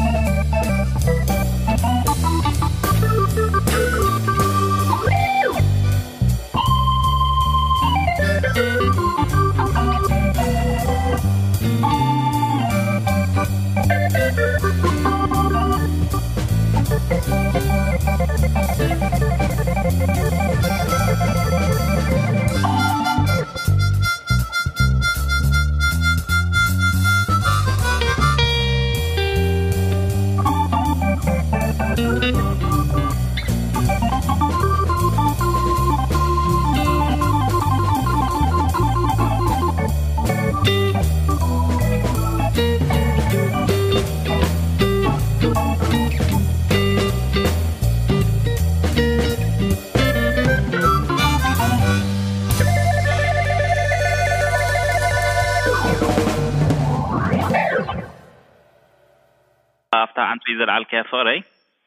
ኣብርሃም ከም ዝበሎ ማለት እዩ ሓደ ጸሓፊ ታሽሙ ያ እታ ዘለዓልካያ ናይ እቲ ኮንሰፕት ዝተፈላለዩ ዓይነት መሰላት ይኹኑ ወይ እውን ኣምራት ኣልዒልካ እውን ምስቲ ዛንታ ጥንግ ኣቢልካ ምሕላፍ ፅቡቕ እዩ እንድሕር ክኢል ተኻኢሉ ማለት እዩ ከምቲ ብርሃም ዝበሎ ሰኒ እታ ናይታ ጓል ሓይሊ ክረአ ደልዎ ክጎልሕ ደልዎ ኣሎ ማለት እዩ ዋላ እኳ ኣነ እውን እቲ ኣዝያ ድኽምቲ ኮይና ተዘይተሰማዕትኒ በቲ ዘላቶ ምክንያቱ ክሳብ ትፀርፎ እያ ንዑ እውን ሓደ ግብዝ ትብሎ ሓንሳብ ተፀሊእኻኒ ደይጠፍእ ገለ ትብሎ እያ እውን እጂ ዘትሪኦ ኣለኻ እዛ ሰብ እዚኣ ከምዚ ኮንፊደንት ምዃና ነብሳ ክኢላ ነብሳ ከተመሓድር ከም ትኽእል ብዘይብኡ ተርኢ እያ ብጣዕሚ ጥዑይ ዝለዓልካያ ፍቕረይ ናይ ሄንሪክ ኢፕሰን ድራማ ኣብኡ ከለና ማለት እዩ መገድና ክንጠቕሳ ኤዶልስ ሃውስ እያ ትብል እታ ኣብኡ ደላ ካራክተር ከዓ ኖራ ማለት እዩ ኖራ ማለት እዩ ሕጂ እቲ ኣብኡ ዘሎ ዛንታ ኣብታ ገዛ እዩ ኩሉ ዝፍፀም ዘቤታዊ ዝኾነ ስቶሪ ግን ኣብ መጨረሻ እቲ ትገብሮ ተግባር ነቲ ከምቲ ኣብርሃም ዝበሎ ክኸውን ይኽእል ማለት እዩ ካብኡ ውፅእ ኢልና ሕጂ ከም ወሳኺ ሕቶ ማለት እዩ ካባይ ዝመፅእ ናባኹም እዛ ዛንታ እዚኣ ብጥቕልሉ እቲ ኣብ ተቃውሞ ድዩ ወይ እውን ኣብ ለውጢ ንክመፅእ ኣብ ኤርትራ ዝነጥፍ ዘሎ ወይ ኣክቲቪስት በዚ ቀሪቦ ዘሎ ዛንታ ማለት እዩ ኩሉ ኣይረብሕን እዩ ወይ እውን ክንድምድም ንኽእል ዶ ኮም ኢልና ትርጉም ዘይብሉ ቃልሲ እዩ ዘካይድ ዶ ክንብል ንኽእል ኢና ወል ከመይ ኣብርሃም ንስኻ ቀጽል ማለት ሒዝካና ጀምሮ ክምልስ ይኽእል እያ ቀጽላ እዋ እያ እንታይ እዩ መሲልካ ኣብዚኣ ሕጂ እቲ ይረብሕ እዩ ኣይረብሕን እዩ ገለ ኣብ ዝብል ፍርዲ ከይሃብና ከለና ማለት እዩ እቲ እቲ ዝግበር ቃልሲ ምእንቲ እንዲና ዝበልና ሕጂ ምእንቲ ሓደ ነገር ይቃለስ ኣሎ እንድሕር ኢልካ ምእንቲ ኤርትራ ንቃለስ ኣለና። ዳሕራይ እንታይ ምእንቲ ኤርትራ ፍትሒ ከነምጽእ ኣብ ኤርትራ ንቃለስ ኣለና። ከምዚ ክንገብር ገለ ከምኡ እንዲና ንብል ዘለና ሕጂ። እቶም ንብሎም ዘለና ዘረባታት እቶም ዝበሃሉ ዘለዉ ንሕና ውን ከም ተቓለስቲ ይሕሰበና ኣብቲ ውሽጢ ዋላ ኣብ ሓደ ውድብ ኣይንበል ገለ ገለ ገለ ኣይንበል እቶም ንዛረቦም ዘለና ዘረባታት ግብራውያን ድዮም ኣይኮኑን እዩ ነቲ ከንቱ ኢዚ ከንቱ ኣይኮነን ክትብል ዝገብረካ ማለት እዩ ሕጂ ሓደ ሓንቲ ውድብ ትህሉ ሌትስ ሰይ ናይ ናይ ናይ ናይ ተቃ ናይ ተቃ ውድብ ፓርቲ ንበል ፓርቲ ይኮነ ፓርቲ ታሽ ውድብ ንበላ ድሓን ዝኾነ ውድብ ትህሉ መኒ ኣባላት ህልዋ ገለ ህልዋ ገለ ህልዋ ገለ ገለ እንታይ እያ ትገብር ዘላ እቲ ናታ ነቲ ንኤርትራ ዝዓለመ ንኤርትራ ክገብረላ እየ ትብሎ ዘላሲ እንታይ እዩ ግብራዊ እዩ ትብሎ ዘላ ንኣብነት ትሰምዖም ኢኻ ኣብ ብዙሕ ኣጋጣሚታት ኩላትና ንሰምዖ ኩላትና ንሪኦ ኩላትና ንሰምዖ ኩላትና ንሪኦ ማለት እዩ ጀነባ እንዳኸድካ ከለኻ ትብል ኢሳያስ ሎሚ ለይቲ ይሓድር ድዩ ተሓኒቑ ክመፅእ እዩ ገለ ትብል ግብራዊ ድዩ ዘረባ እዚ ፕራክቲካል ድዩ ትኸይድ ከዓ ኣብ ዝኾነ ቦታ ኣብ እስራኤል ገለ በለታት ወይ ወዲ ገራ መን ይትኡ ነበረ ኤምባሲ ዝኾነ በሎ ማለት ማለት ሎሚ ከይዶም ፖሊስ ኣምጺኦም ሕንቕ ኣቢሎም ከምጽዎ እዮም ንዑ ጥራይ ገለ ትብል ግብራዊ ድዩ እዚ ዘረባ እዚ ኣብ ኒውዮርክ ትኸይድ ገለ ክትገብር ገለ ማለት እዩ ሎሚ ደኣ በቃ ናይ መወዳእታ እኮ እያ ሎሚ ዘይከተተ ገለ ትብል እቲ ትብሎ ዘለካ ግብራዊ ድዩ እንታይ ኢኻ ትብል ዘለካ ብትኽክል ሕጂ ካብዚ ምስ ነቐልካ እቶም እቶም ዝግበሩ ዘለዉ ቃልሳት ብትኽክል እንታይ እዮም ዝብሉ ዘለዉ ንጹራት ስለ ዘይኮኑ ያ ወከንቱታት እዮም ምክንያቱ ብትክክል እንታይ እዮም ዝብሉ ዘለዉ ንፁራት ኣይኮነን ድሕር ድኣ ከምታ ዝብላ ዘለዎ ኮይኑ እቲ ዘረብኦም እሱ ፕራክቲካል ኣይኮነን ግብራዊ ኣይኮነን ምንም ከይገበርካ ንኢሳያስ ዕልው ከተብሎ እስር ኣቢልካ ምፅ ከተብሎ ገለ ወይ ከዓ ናብ ዝሄግ ኣምፃእ ኣቢልካ ኣፍር ስቂሉ ሕልሚ ዝመስል ዘረባ እዩ ስለዚ እቲ ዕላማታቶም ዘየነጸሩ እንታይ ድሌት እምበር ባህጊ እምበር ድሌት እምበር ድሌትን ባህግን እምበር እንታይ እዮም እንታይ እዩ እቲ ዕላማታት ብትኽክል እቲ ዕላማታት ከ ብኸመይ ብኸመይ እዩ ግብራዊ ክኸውን ዘየነጸሩ ክሳዕ ዝኾኑ እቶም ቃልስታት እወ ከንቱታት እዮም ናተይ መልሲ እዚ ኦኬ ኣብራም ጽብቕቲ ነቐፌታ ግን ንኹሉ ክትውክል ትኽእል ኮይኑ ይስምዓኒ። ማለት ነቲ ኣብቲ መንጎ ተቓውሞ ዝርአ ዘሎ ካብቲ ካብቲ ሓደ ባህርያት ናይ ተቓውሞ ዝርአ ዘሎ እዛ ሓጻር ዛንታ ትነቕፎ ኣላ ግን ንኹሉ ኣብ ኤርትራ ዝነጥፍ ዘሎ ናይ ተቓውሞ ሓይሊ ትነቕፎ ወይ ከዓስ ቶታሊ ከም ዘየለ ትውክሎስ ማለት ኣይኮነን ከም ናተይ ኣረዳድኣ ግን ንብዙሕ ግን። ከምዚ ናቶም ዕዮ ገዛ ንክገብሩ ማለት ቅድሚ ናብ ካልእ ምኻድኩም ነብስኹም ጠምቱ ትብል ኮይና ትስምዓኒ ወል ንእሽቶ ኣብዚኣ እጂ ክልተ ሓንቲ እዛ ዛንታሲ ከምዚ ብዛዕባ እታ ዛንታ ኣይኮንካን ሓቲትካ ቴድሮስ መስለኒ እቲ ኣብርሃም ትምልሶ ዘለካ ካብኣ ብምብጋስ ካብ ካብኣ ምብጋስ እንድዩ ስኒ ከምኡ ክንብል ንኽእል ዶ ኦኬ እሞ ኣነስ ሒተ ጸኒሐ መስመረይ ወይ ን ንዓይ ንውሽጠይ ጥራይ ዝብሎ ዘሎ ክዛረ just ክብል ደልየ ማለት ምስታ ዛንታ ከተኣሳስሮ እንተ ኮይነ እዚ እዚ እዚ መልሲ ክም ካልኣይ ግዜ ክምልሶ ዕድል ኣለኒ ሓቀይ ዶ ሓራይ ተመለስ ርእተሲ ክህብ ይኽእል እቲ እቲ ከም ዘሎ ከም ዘለዎ ኮይኑ ያ ንእሽቶ ኣብነት ክውስ ክገብር ኣለኒ ብዚኣ መላእታ ሓንቲ መዓልትስ እዚ ኣብቲ ኣብርሃም ዘካፈሎ ኣብ ፌስቡክ ዘንበብክዎ ማለት እዩ እቲ ሓደ ኤርትራዊ ሲ ብትግርኛ ዝኾነ ዶክተር ክኸውን ይኽእል ፕሮፌሰር ዝኾ ዋትኤቨር ማለት እዩ ክኢላ ናይ ስነ ቁፅሪ ማለት እዩ ኣብ ኤርትራ ብትግርኛ ክወሃብ ኣለዎ እቲ ናይ ስነ ቁፅሪ ትምህርቲ ክሳብ እቲ ዩኒቨርሲቲ ለበል እቲ ናይ ኮለጅ ለበል ገለ ኢሉ ፅሒፉ ሽዑ ኣብ ቢቢሲ ዜና ገይረምሉ ብዝኾነ ብኡ ገይሩ ምስ መፀ ኣብ ሓንቲ ኮሜንቲ ናይ ኣብርሃም የታ ነቲ ሓሳብ ዘስፈሐትለይ ዝረኣኽዋ እንታይ ይብላኡ እቶም ሰባት ኣብቲ ዘለውዎ ቦታ ዓቕሎም ፊት ምግባር ምስ ሰኣኑ በቃ ምውህሃድ ምስ ሰኣኑ፣ ቦታ ምስ ሰኣኑ ኣብቲ ዘለውዎ ቦታ ነቲ ዘሎ ሃጓፍ ተጠቒሞም ኣብቲ ኤርትራ ከይዶም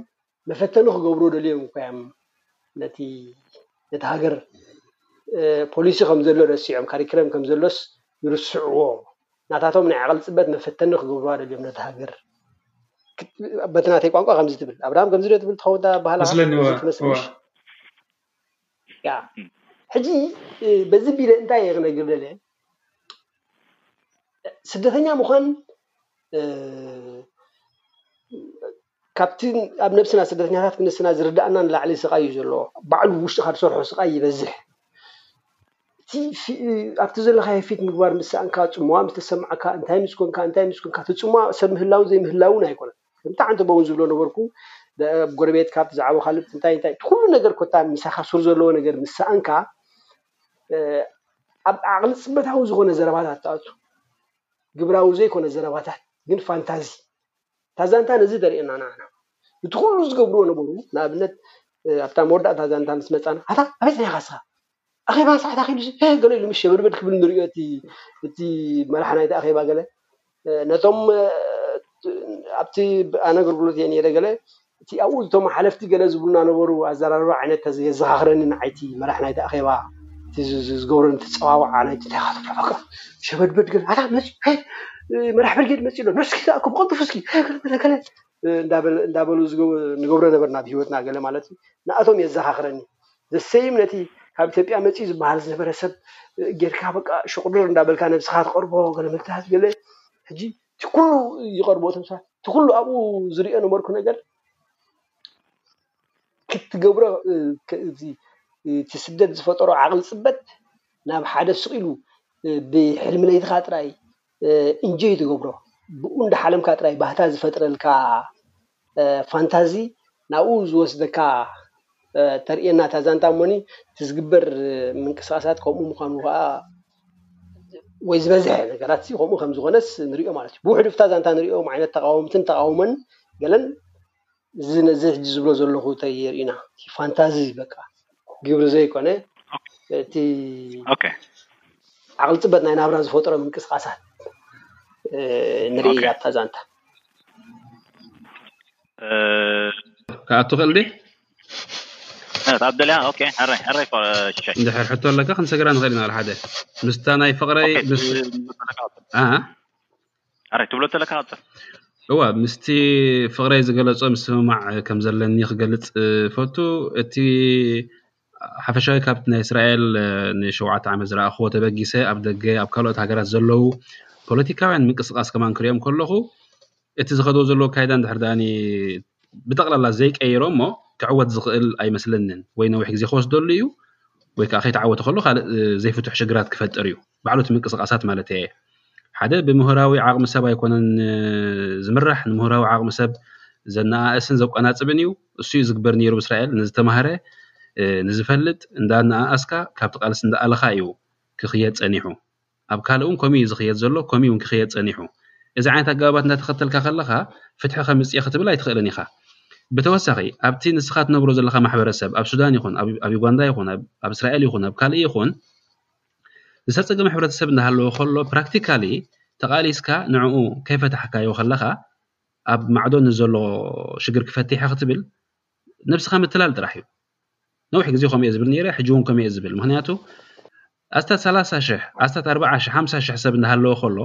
ሓቢሩ ተቃሊሱ ሽግሩ ክፈትሕ ክሕግዝዎ እንዳተገበኦም ከሎ ኣብ ጓል መንገዲ እዮም እትዮሞ እዚ ማለት እቲ ቀንዲ ሽግር ምስኦም ዘሎ ክፈትሑ ዘይኮኑ ዝደልዩ ዘለውስ ኣብቲ ከምቲ ፍቅሬ ዝገለፆ ኣብ ናቶም ፋንታዝያ ኣትዮም ነቲ ኣብ ርሑቕ ዘሎ ክንፈትሖ ኢና ኢልካ ጥራሕ ነብስኻ ምዕሻው እዩ። ሕጂ ብኣጠቓላሊ ካብቲ ቅድሚ ሓሙሽተ ዓመት ዝነበረ ናይ ቃልሲ ኣካይዳ ሕጂ ይብእስ። ሽዑ ዝነበረ ብድሆታትን ሕጂ ዘሎ ብድሆታትን ሰማይን መሬትን እዩ። ናይ ሕጂ ብድሆታት፣ ናይ ሕጂ ሕቶታት ይብእስ። እንታይ ማለት እዩ እዚ ሕጂ? እቲ ዝኸዶ ዘሎ ኣካይዳ እንዳበኣሰ እምበር እንዳተመሓየሸ ኣይኮነን ዝኸይድ ዘሎ። ኩሉ ግዜ ምሁራት ነቲ ቃልሲ ክመርሕዎ እንድሕር ዘይክኢሎም፣ ዕድል እንድሕር ዘይተዋሂብዎም፣ ናይ ፖለቲካ፣ ናይ ቁጠባ፣ ናይ ምሕደራ፣ ናይ ካልእ ናይ ካልእ ንዑ ዝከኣለኩም ግበሩ፣ ክንምእዘዘኩም ኢና፣ ክንሰምዓኩም ኢና፣ ዝጎደለኩም ከኣ ክንሕግዘኩም ኢና እንድሕር ዘይተባሂሉ ክዕወት ኣይክእልን እዩ። ወይ ከኣ ግዜ ክወስድ እዩ። ከምኡ መሰል ናተይ ርእይቶ። ኦኬ ሕራይ ካብኡ ፍልይ ዝበለ ካልእ ሕቶ ኣብዛ ዛንታ ማሕበራዊ መራኸቢ ከም ከም ኣብቲ ንቡር ሂወቶም እቱ ጌርካ ኣቕሪብካዮ ኣለኻ ንኣብነት ዩትዩብ ናይ ዩትዩብ ቻነል ኣብ ቴሌቭዥን ይዕዘብ እቲ በረኸት ማለት እዩ እቲ ጠባይ ኣብኡ ዘሎ ከምኡ ውን ፌስ ትጥቀመሉ እዞም ነገራት እዚኦም ዋላ ኣብ ካልኦት ዛንታታት እውን ብዙሕ ተጠቒምካሎም ኣለኻ ኣብ ሂወት ኤርትራውያን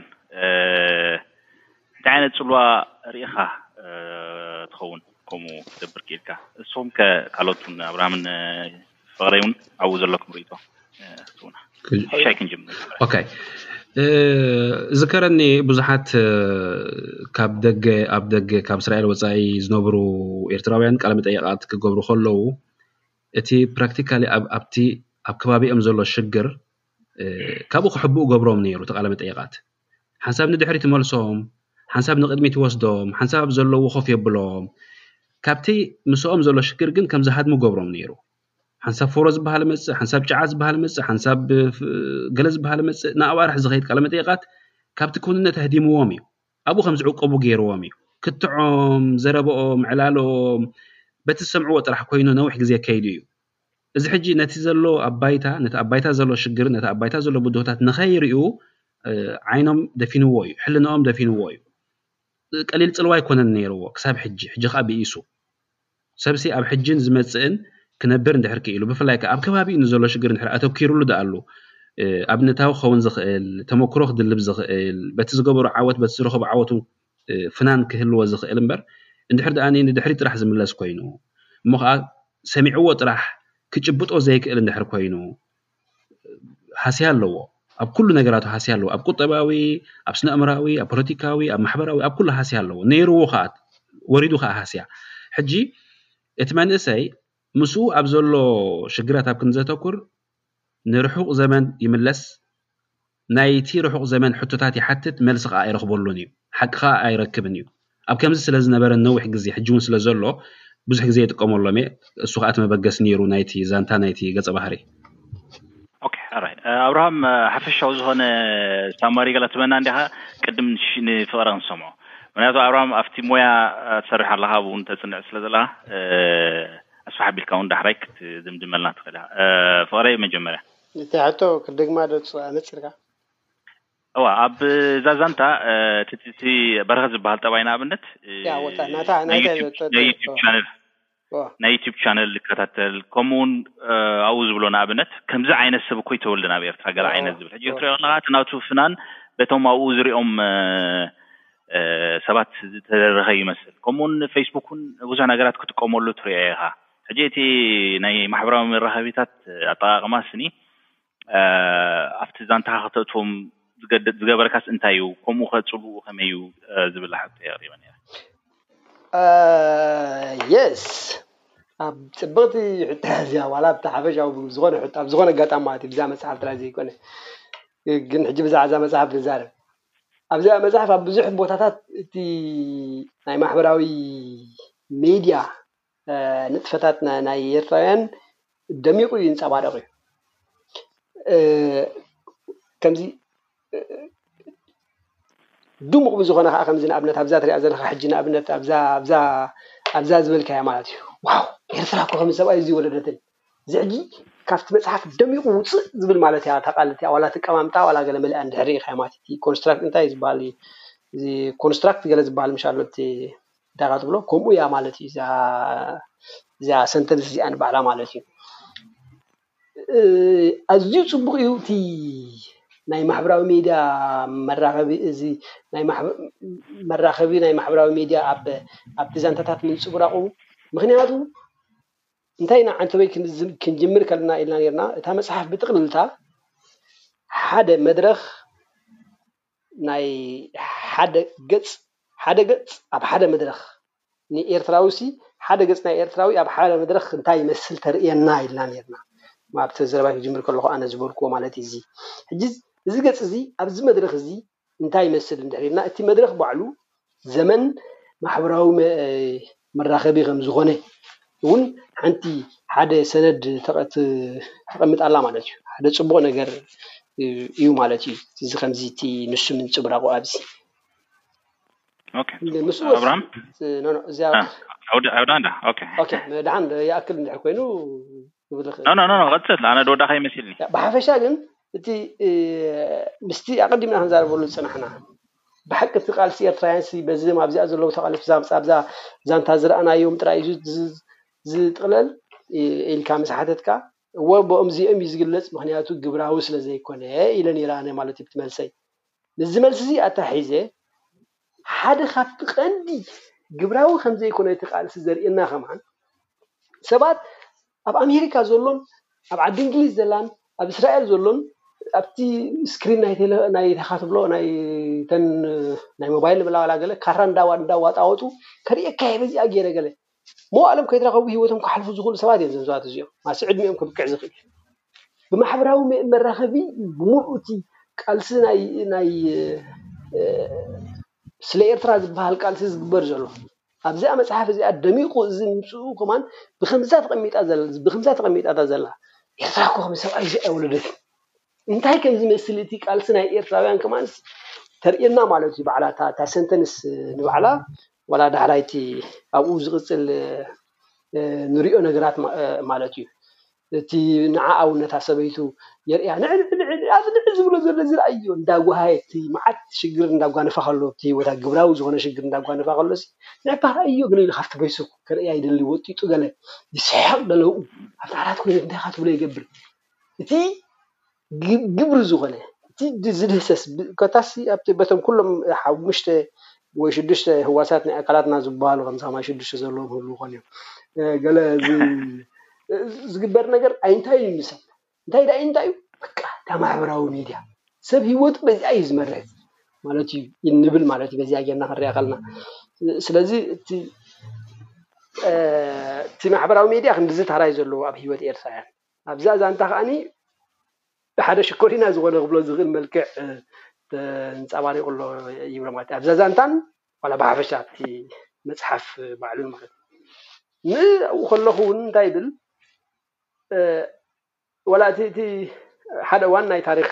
መጽሓፍ ክትከውን ትኽእል እያ እዚኣ ማሲ ናይ ታሪኽ ግዜ ክብል ከለኹስ ገሊኦም ታሪኽ ዝመራ ዝምርምሩ ስነ ጽሑፍ ዝምርምሩ ገለገለ ሰባትሲ ከንብብዋ እዮም። እቲ ሕብረተሰብ እንታይ ይመስል ነይሩ፣ ነቲ ሕብረተሰብ ዝጸልውዎ ነበሩ ነገራት ኢልካ እንተ ፈቲሽካ፣ ማሕበራዊ ሜድያ እቲ ቀንዲ ነገር ከም ዝነበረ ምስክር ትኸውን ኣላ ማለት እዩ እዚኣ እዚኣ መጽሓፍ ዋላ ብመልክዕ ሰነድ እንተ ርኢናያ ማለት እዩ። ብመልክዕ ግብሪ እንተ ርኢናያ ድማ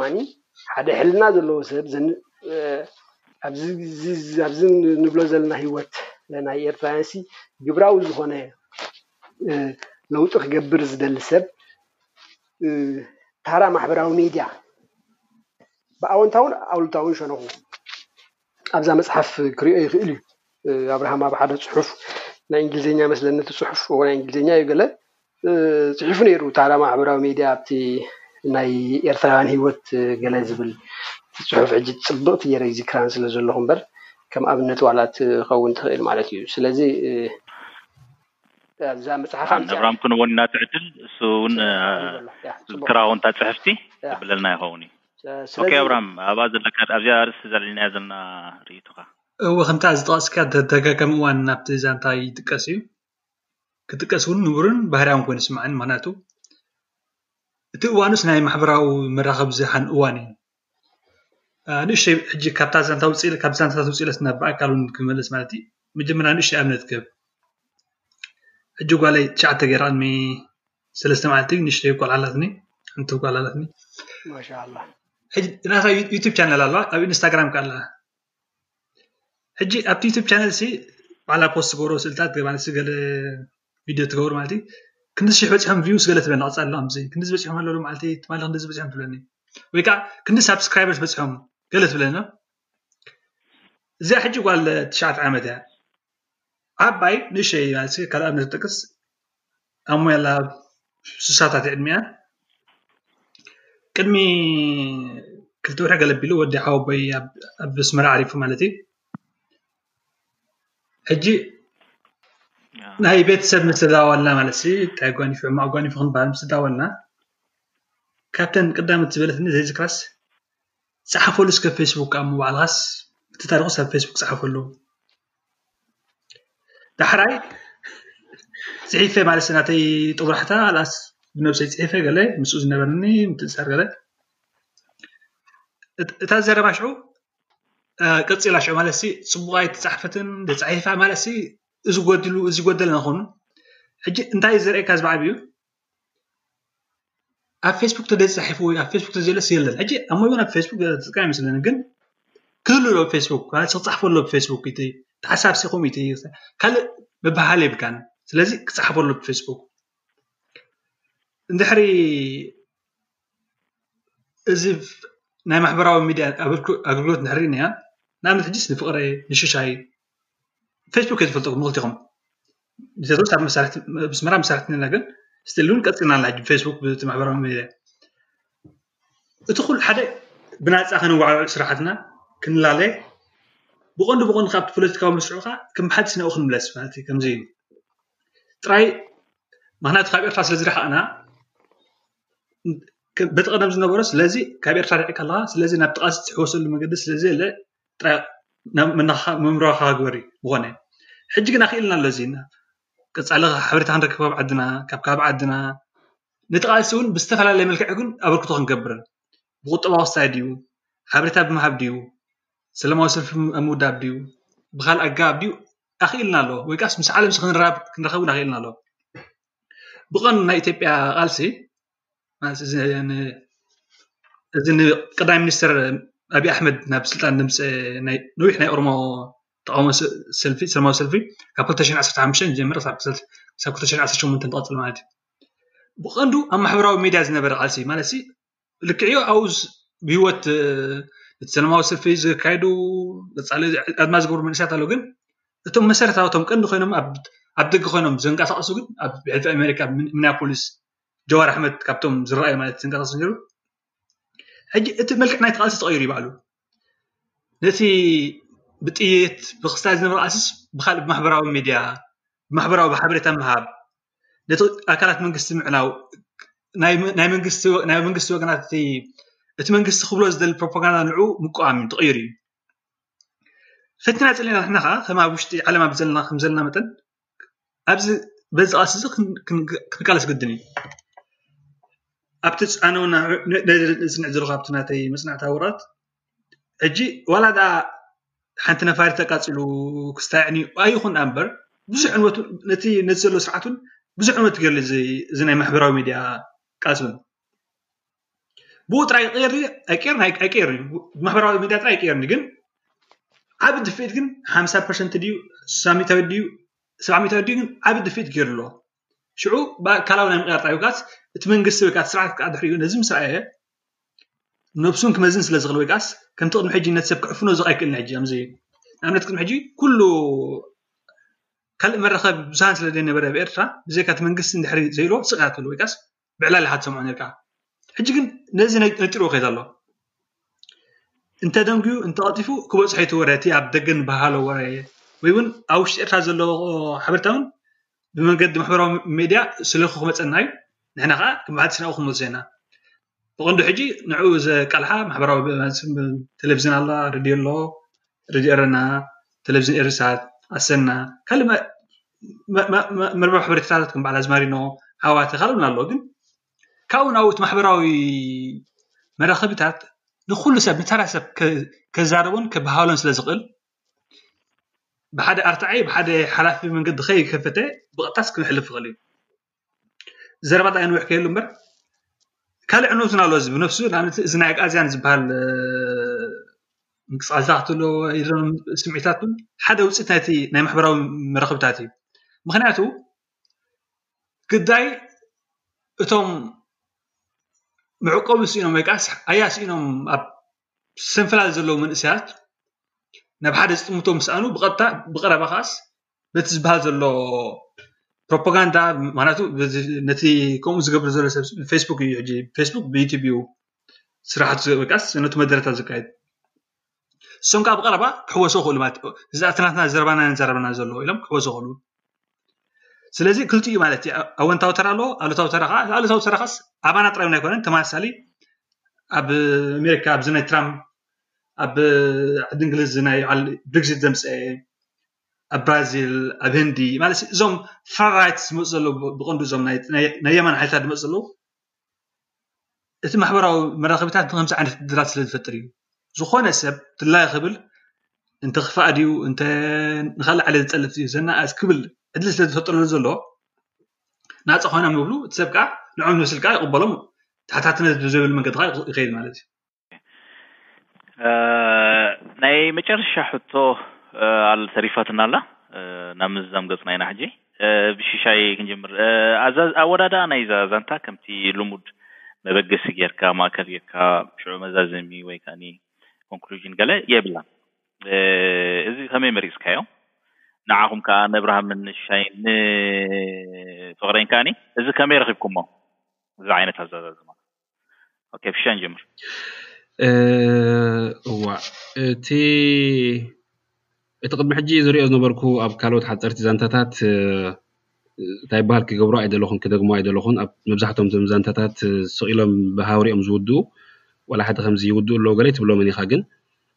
ይውድኡ እንሻሎ ሕጂ እቲ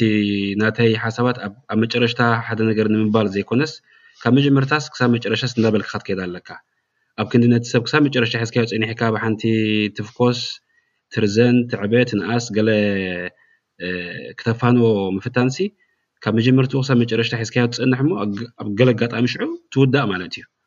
ሕጂ እዚ ልክዕ እቲ ሂወትና እውን ከምኡ እዩ ከምዚ ኩሉ ሰብሲ ብፃዕረ ሞት ተሓሚሙ ተሳቂኡ ጥራይ ኣይኮነን ዝመወት እነብር እነብር ሓንሳብ ሃንደበት ክመወት ይኽእል እዩ ሓደ ነገር ክትዕወት ደሊኻ ትሰርሕ ትሰርሕ ብዙሕ ከይፃዕርካ ትዕወተሉ ኣሎ ብዙሕ ፅዒርካ ትዕወተሉ ከዓ ኣሎ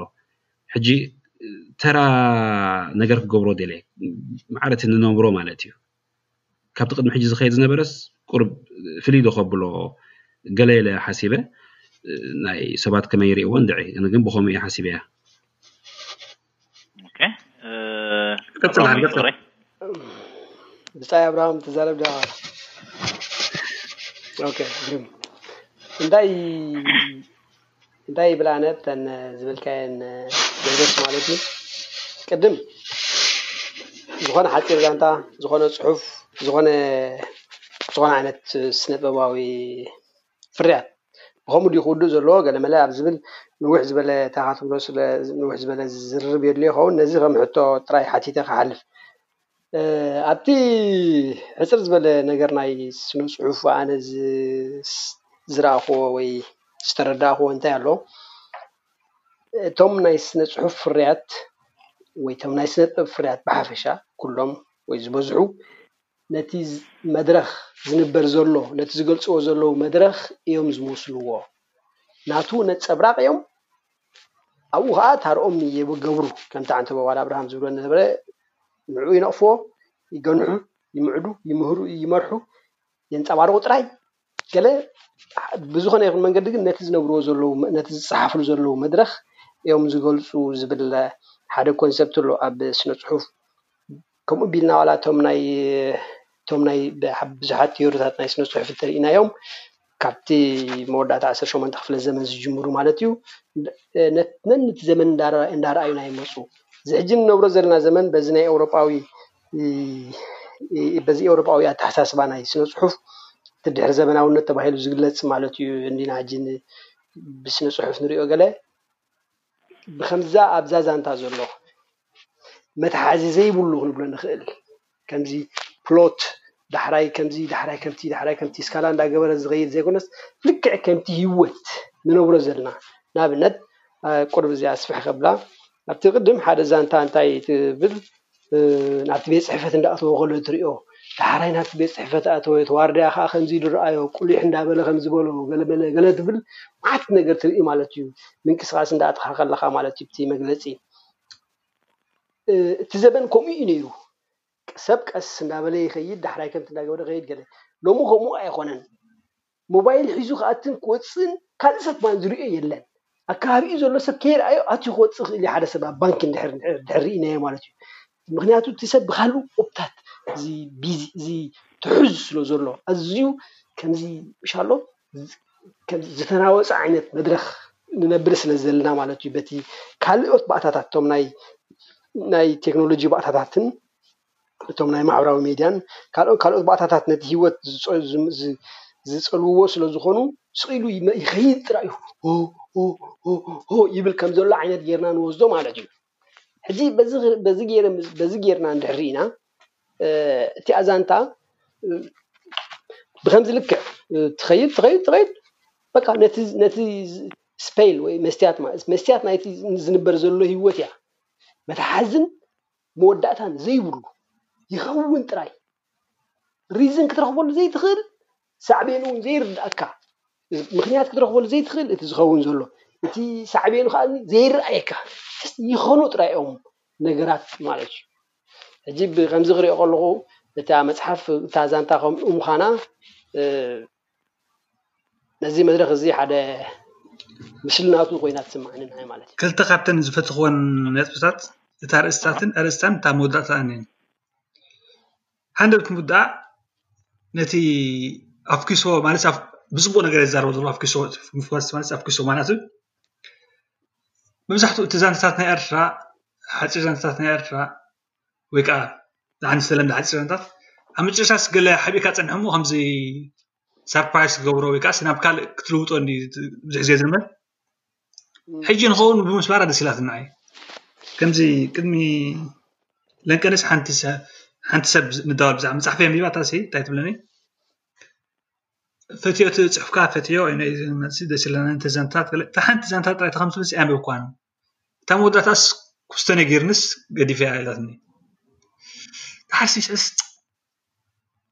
ኦኬ እዛ ሰብ እዚኣስ ዋላ ተዘይ ኣንበበትለይ እውን ፀገም የብለይን ንዓይ ትብል ሸ ማለት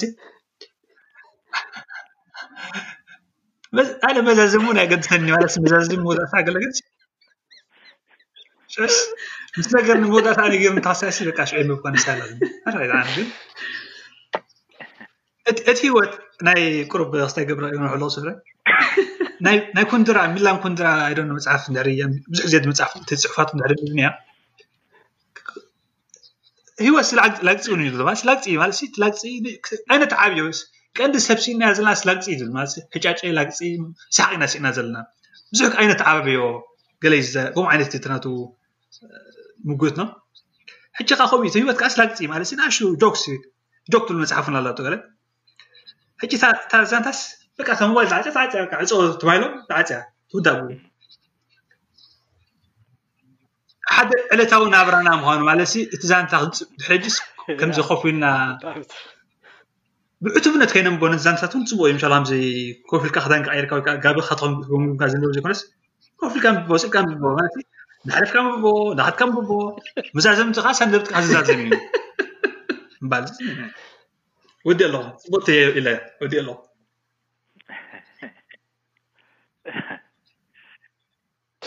ኦኬ እቲ ዝነበራ ንታሽም ወዲ እንደ ምናልባት ዘይተንከፍናያ ወይ እውን ኣብዚ ክዝረበሉ ኣለዎ ትብልዎ ነገር እንድሕር ኣሎ ንኩልኹም ሓሳብ ኣነ ሓንቲ ሕቶ ነይራትኒ ርእቶ ሰምዕ ዘለኹ ሓንቲ ነጥቢ ኣነ እቲ ኣብርሃም ተንኪፎ ኣብ መጨረሽታ ኣነ እውን ኣብቲ መፅሓፍ ቀንዲ ዝፀቐጥኩሉ ከምዚ ላግፂ ደልየ ከምዚ ቁሩብ ፍሽኽ ምባል ወይ ምስሓቕ ወይ ዋዛ ነገር እየ ደልየ ኣብቲ መፅሓፍ ብምሉኡ ማለት እዩ ከም ሓደ ፍሉይ መለለይ እውን ደልየዮ ኣነ ሕጂ እስኹም ከመይ ረኺብኩምዎ ኣብተን ዛንታታት እቲ ሰሓቅ ምስሓቅ ወይ ፍሽኽ ምባል ወይ ከምዚ ክምስ ምባል ኣሎ ዶ ስምዒታት ገሊኡ ሓዚና ሓስብካ ሓዚና ኣብ ገሊኡ ኣብ ገሊኡ ቃሲያና ማለት ሲ ንኩለን ሕጂ በዚ መዚና ክብል ኣይክእልን ግን ከም ከም ኮንሰፕት ግን ደስ ብለኒ ተኸማ ምፍጣን ዋላስ በዓስ ዋላ ተኣኒና ከምኡ ምግባርና ውንስ ደስ ብለኒ ከምዚ ሓደ እቲ መዘዘ ምፍኳስ ሕጂ ዕድም ምግባራት ዛንታታት ማለት ምልጋጽ ሕጂ ዛስ እታ ደስ ሕጂ ዘስላፍ ማለት ፍቅሪ ሃገር ኢልካስ ምክንያቱ ምት ሰብ ፍቅሪ ሃገር ተልካስ ከም በለስ ኸድኑ ድዮም ኣስ ክዋግኡ ኸዱ ድዮም ከምኡ መስሎ ክእለ ግን ከምኡ ይኮነን ንስ ካልእ እዩ ኢልካ ሽስ ናብ ካልእ ትመሰኖ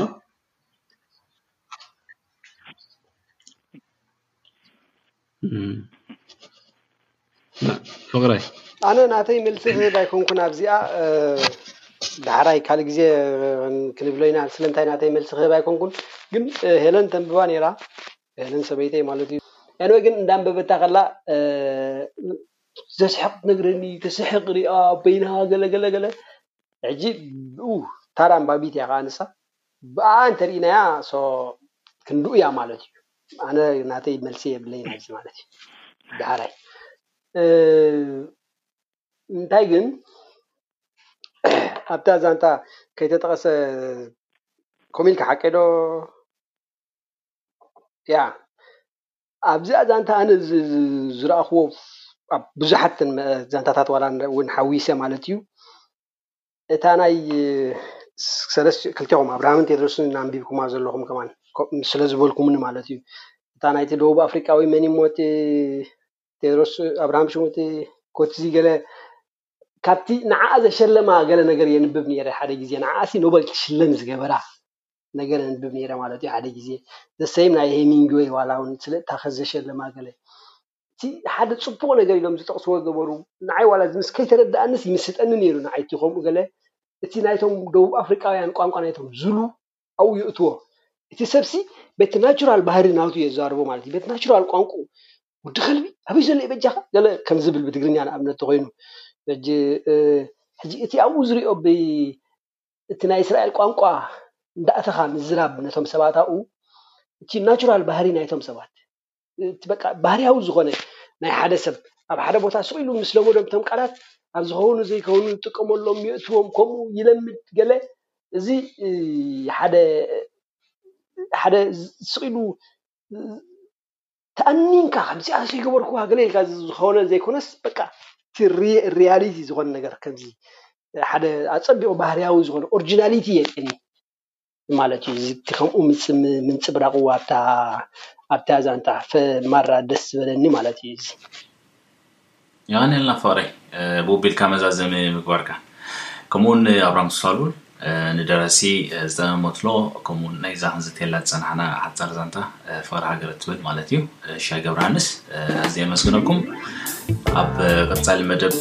መደብና ብተመሳሳሊ ክንራኸብ እምነተይ እዩ